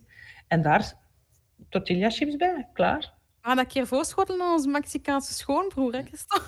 Ah, ja, Mexicaanse. ja, ja. Ja, ik heb deze week ook fantastische burritos gemaakt. eh vegan Ja. burritos. Die staan nu op mijn social media. Wat bleef? Het is een vegan, dus... eh, Ah, voilà, ah, voilà. Ah, wel, ik heb, eh, ja, dat ik, je had mij gevraagd voor een receptje en mijn vegan burrito was mijn receptje. Maar dus even om terug te komen over ehm, dingen dus die eh, van ver komen normaal. Ik heb ook wel ooit eens geprobeerd zo met een pit van een avocado zelf een avocado plant te kweken, maar dat is mij nooit gelukt, behalve dat die pit er heel beschimmeld en vies ging uitzien. Hebben jullie dat eens geprobeerd? Ja, hij is een boomke geworden, maar na vier jaar is het toch gestorven. Maar ik had er een aantal, Oh. hè. Ik had zo een aantal, een aantal ge- geplant, Mhm. eigenlijk. En ik doe dan drie na in het begin. Dus ik, eerst eh, is al een pit in het water, dan denk ik hij is in het water gevallen. Maar dan doe ik er altijd maar meer zand, eh, aarde bij, dat het modder wordt. Dan duurt het dat dan in een... Zo kweek ik dat nu Ja. bijna niet. Eh, want ik had er uiteindelijk een staan. Ik had dan gelezen, na acht jaar komen er pitten op. Allee, zouden kunnen... Mhm. Maar ja, dat is nooit gelukt. Oh. Op een moment is die plots, plots komen te gaan. En ja, dat was wel jammer, want hij was echt al me- eh, een meter en een half of zo. oh, dat is spijtig. Ja, dat was hij, dat was echt een boomje aan het worden. was mijn grootste hoop dat dat ging lukken. ehm, maar dat is echt moeilijk, hè. Dat Ja. Ja, ik weet wel dat ze er... eh, Er zijn wel boeren van hier eh, ermee bezig. Ik weet dat er een boer is in Zwalm die bezig is met kikkererwten en kidneybonen. Hè, want dat kwam vroeger ook altijd van heel ver. En die heeft nu een productie opgestart. En dat is echt een boer uit Zwalm. Dus dat is van bij ons. Hè. En het belangrijkste voor die, voor die, ja, die producten is natuurlijk de, de droogte en de zon. Maar aangezien we hier toch met een opwarming zitten, daar Ja. spreekt het, het slechte klimaat helpt dan weer wat. eh, kunnen die dingen blijkbaar hier ook beter groeien. Ook die, die, ehm die kikkererwten en die kidneybonen. Ah, cool. Ik ga dat een keer opzoeken. Zoal de Dus, ja, in Zwalm. Ik, ik geloof, ja, ik heb het onlangs in de krant gelezen. Gaan we naar de volgende vraag, Christophe? Ja, een vraag van Marielle. Kies jij bewust ook bepaalde huiskamerplanten om meer zuurstof te creëren en hou je rekening met de duurzaamheid? Ja, absoluut. Ja, Ja? ja ik heb, ja. Ja, ik heb eh, leliepalm hier staan. Oh, ik ken hun namen. Hè. Bamboe heb ik staan. Ehm, ik heb ook in mijn boek Beetime een hele hoop planten opgenoemd die ehm, voor extra zuurstof zorgen, maar die ook bijvoorbeeld eh, toxische stoffen uit de lucht zuiveren, zoals bijvoorbeeld de, de eh, vrouwentongen, hè, de Sansevieria. Heb Dat is de enige plant dat je in, een, eh, in het ziekenhuis mocht zetten, maar dat is ook een plant die echt zware chemische producten die in de lucht hangen zuivert. Dus Mhm. dat is een ongelooflijke zuiveraar. Dus ja, ik hou daar zeker rekening mee. En eh, ook omdat ik dat gewoon ja, mooie planten vind. Eh, ja. ja, en ik denk ook die Salsiveria's, die zijn super gemakkelijk om te stekken. Want ik Ja. heb twee in huis en die zijn allebei, die waren een klein stekje. Dus eh en die nu ook aan het eh, stekken opnieuw. Dus dat, dat kunt u eigenlijk blijven kweken. ik denk dat dat wel gemakkelijk is. Wacht, ik ben nu even gewoon aan het opzoeken in mijn boek welke plantjes dat het allemaal waren, omdat ik ben zo slecht in plantennamen. Ja, je nog altijd zien, dan zul je altijd zien dat je dat net niet vindt. Hè. Maar die planten die zijn ook echt, dat is door de NATO, die hebben daar blijkbaar onderzoek naar gedaan, zo van welke plant zit het best in de buurt van uw, van uw printer. Ah, ik heb ze hier, ja, dus de Sansevieria, dat is de enige plant, en die filtert formaldehyde uit de lucht. En dat zit vaak in schoonmaakmiddelen.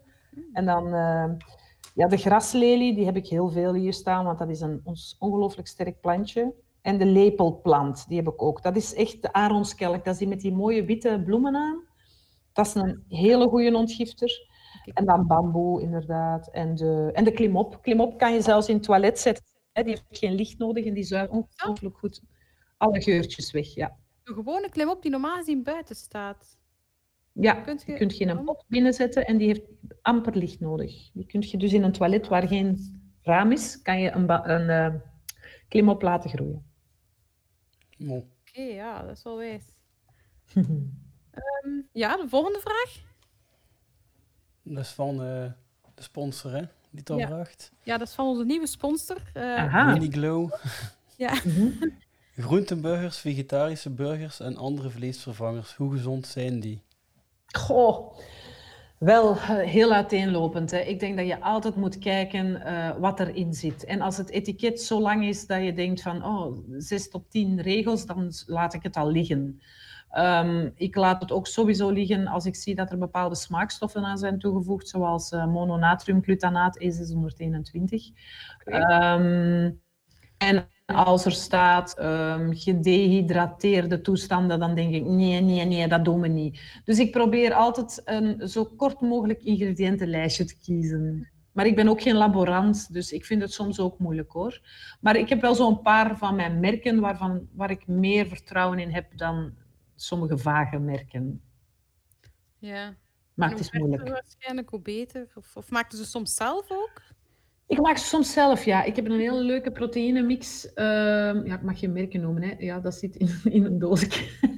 maar dat is, al, dat is echt al goed. En daar maak ik zelf burgertjes en, en, en balletjes en toestanden van. En die vind ik heel lekker. En dat is echt een basis van ehm, alleen maar goede dingen. Maar ik kan er niet veel over zeggen. Ik mag geen merk zeggen. Dus, hè. Ja, mocht wel, hè. Ja. Ja, dat is van Amanprana. Ik, ik ben nogal een grote fan van de producten van Amanprana. Dat is een Belgisch bedrijf. En eh, die hebben nu een proteïnemix die ik echt een max vind. Daar maak ik inderdaad zelf mijn vleesvervangende schijfjes en balletjes van. Maar dus niet met kerstmis. dus daar ben ik helemaal de fout in gegaan. Ja. ik denk dat eh dat Cliniclo eh, bedoelde ook van dat er heel vaak heel veel vet in zit. Ah ja, ja foute vetten ook. Hè. Vaak zonnebloemolie, hè, goedkope olie, die ehm, best wel oké is als je hem koud gebruikt, maar als die wordt verwerkt en verhit en zo, dan is dat echt geen goede, geen goede olie. Eh, veel mensen denken dan, ah, er zit zonnebloemolie in. Ah, dan is het gezond. Nee dus. Eh, Zonnebloemolie wordt vaak ook toegevoegd aan goedkope sauzen, eh, of eh, als goedkope basisolie aan sausjes. En dat is ook geen goed idee. Dus Mm. eh, ik ben een grote voorstander van, van olijfolie en kokosolie. Dat zijn zo... Welk, dat is even een zijvraagje. In welke Mhm. olie pakt je? Echt om te Ik- zeggen... wat- Ik bak in kokosolie. Alles. Alles. Zelfs mijn frietjes. Wat blieft? Verbrandt toch rap? Als ik dat... Nee. nee, nee, kokosolie heeft een hele hoge verbranding. Hè. Dat gaat pas eh, walmen eh, op, op 180 graden. En frietjes bakt je op 175, dus dat kan perfect. Ehm, nee, eh, je moet natuurlijk zorgen dat je pan niet te heet wordt. Maar als je kijkt naar olijfolie bijvoorbeeld, dat, is ook, dat verbrandt sneller. Boter nog sneller. Ja. Ehm, dus ehm, ja, ik kijk heel erg uit met mijn oliën. Vandaar ja, alleen maar kokosolie en olijfolie. Dat is het enige wat ik gebruik. Verder niks. Ja, want ik heb nu wel een pot kokosolie zonder smaak. Allee, dus dat echt, de, dat echt gewoon de olie is zonder die kokos... eh. Ja, en daar is heel veel over te doen, omdat ehm, veel mensen zeggen, ja, als ik iets in kokosolie bak, dan smaakt dat naar kokos. En het is gewoon echt getest, het is niet zo. Maar het is doordat je het ruikt, dat je het proeft. Ja. En eh, ja, je kunt natuurlijk zeggen, ja, dan moet je in een andere ruimte al bakken. En ik doe dat wel met mijn frietjes. Ik bak mijn frietjes buiten op mijn koerkje, omdat dat toch wel wat... Ja, dat ruikt, pardon, dat ruikt heel sterk. En eh, ik denk aan frietjes, ik moet een boerke laten. Eh, maar eh, eh, frietjes bakken in kokosolie, eh, zonder dat de frietjes naar kokos smaken, doe je gewoon door de geur van de kokosolie buiten te houden. Maar het is zo dat ontgeurde kokosolie, daar is natuurlijk toch wel het een en het ander mee gebeurd. Dus ehm, een deel van de gezonde eh, ingrediënten van de kokos zijn weg. En dat vind ik dan weer spijtig. Mm, Dat is waar, ja, dat snap ik. Ja. Dus, maar je kunt inderdaad ontgeurde biologische kokosolie niet door aapjes eh, uit de bomen gehaald, enzovoort, enzovoort. Dat is ook de reden waarom ik zo'n fan ben van Amanprana, omdat die ook op een hele ecologische manier eh, de dingen vervoeren, verpakken, fair trade, world trade. En dat soort dingen vind ik toch wel allemaal heel belangrijke dingen om op een etiket te zien staan. En inderdaad, geen aapjes, uh, die, die de, kokossen, de kokosnoten uit de bomen moeten halen. Dus ik bak in kokosolie. Oké. Okay. Ehm, nog een vraag, Christophe? Ja, bestaan er gezonde frituursnacks? Of ga je niet naar de frituur? Oh, jawel hoor. Ik ben oh, dol op frieten. Och, ik vind frieten zo lekker. Um, gezonde frituursnacks, ik weet het niet. Maar um, ik durf, als ik hier mijn frietjes bak, durf ik er wel eens zo van de vegetarische slager zo de, de frituurmix in gooien. En ik kijk dan niet naar de ingrediënten. Maar ik heb heel veel, heel veel plezier daarvan. Ik eet daarmee heel veel smaak op. En dan denk ik, dan kan het niet zoveel kwaad. Mm. Maar uh, in, de, in de frituur zelf ga ik niet snel iets kopen. Ja, nee. Ik ga wel eens naar de frituur hoor. Wij, wij gaan wel eens naar de frituur. Maar ik heb daar altijd last van. Ik krijg altijd buikpijn daarna. Oh, okay. Kokosolie niet. Ah ja, dus de, waarschijnlijk wel in de frituur, die olie, ja. Ja, ik heb bij, als ik gewoon frietjes eet, wat ik heel lekker vind, hè, ook van het frituur, die vind ik ook heel lekker. Maar dan voel ik mij daarna, alsof ik zwanger ben van een zisling, en een beetje later alsof ik die moet baren. Echt, dat, is, dat gaat niet. Dus, uh, soms gaan we voor, voor de rest van het gezin. En ik pak mijn frieten en kokosolie en zij willen dan echt een curryworst speciaal en al die vetzakkerij. En ik maak dan mijn eigen dingen in mijn friteuse. Ja. Zo is het. Oké. Ehm, ja, ik denk dat dat uh, de vragen waren, maar je hebt het net ook al mm verklapt gehad, een receptje. Uh, we doen elke maand een receptje en we hebben dat deze maand aan jou gevraagd. Je hebt iets, ja. je hebt iets bij. Ja, ik heb iets bij. Ik heb eigenlijk twee dingen bij. Ik heb um, een, een, een, receptje bij dat goed is voor de gezondheid, maar dat eigenlijk niet is om op te eten. Um, okay. En dat is um, olietrekken. Ik weet niet, misschien dat jullie het wel al kennen. Um, maar olietrekken is echt ongelooflijk goed voor je gezondheid. Um, olietrekken wil eigenlijk zeggen dat je, dat is een oud Ayurvedisch gebruik, waarin je olie, um, ik in mijn geval, ik adviseer mensen, dan pak gewoon een kop, koffielepeltje kokosolie met één druppeltje uh, pepermunt, etherische olie van pepermunt, een druppeltje en dan kokosolie. En dan ga je dat in je mond laten smelten. Dat gebeurt heel snel, want kokosolie is op 18 graden volledig vloeibaar. Vandaar dat het ook niet in je aders blijft plakken, wat veel mensen, waar mensen bang voor zijn, omdat het een verzadigd vet is. En dan uh, ga je dat in je mond eigenlijk tussen je tanden duwen, trekken, rommelen, mm, heel de tijd. En zo lang mogelijk. Als je twee à vijf minuten olie trekt, zo, dan heb je eigenlijk al een volledig zuivere mond en heb je ook eigenlijk je tong ontdaan van plak. En dat wil eigenlijk zeggen dat je dan een schone tong hebt en als je dat regelmatig doet, wittere tanden, mooi roze tandvlees, veel minder bacteriën en schimmels in je mond die ziektes veroorzaken en ontstekingen. Maar als je het echt wil doen zoals eh, de Indische mensen het doen, die de Ayurveda beoefenen, dan ga je tot 30 minuten olie trekken. En dan zuiver en detoxen je lichaam via de tong volledig. Men zegt dat uh, mensen die dagelijks olie trekken, 30 minuutjes, daar moeten wel u een tijd voor hebben dan natuurlijk, dat die dus uh, hun organen daarmee kunnen detoxen. Nu, ik zeg, men zegt, en ik heb het nog niet geprobeerd. Ik moet heel eerlijk zeggen, ik kom niet verder dan vijf minuten, want dan wil ik het uitspuwen. En als je het uitspuwt, je moet het uitspuwen, want er zitten natuurlijk afvalstoffen in ga je niet inslikken, dan moet dat er zo wat gelig uitzien. Klinkt heel vies, maar het is eigenlijk heel schoon daarna in je mond. Dus ik wilde ja. dat toch zeggen als receptje. Dus gewoon een beetje kokosolie met een, een, druppeltje etherische olie van munt. Of gewoon zo'n mondolie kopen bij de, bij de biowinkel. Dat kan natuurlijk ook. Daar zitten dan wat meer etherische kruiden in. Dat is dan nog iets smakelijker. Maar ik vind dat kokosolie kan het prima. En um, mijn receptje is eigenlijk een, een, een, een mijn eetreceptje is een vegan burrito. Ja. En uh, die heb ik nu net gepost op mijn social media. Dacht, dat komt goed uit, dan, kan ik dat ook, uh, dan kunnen mensen het ook zien als ze willen.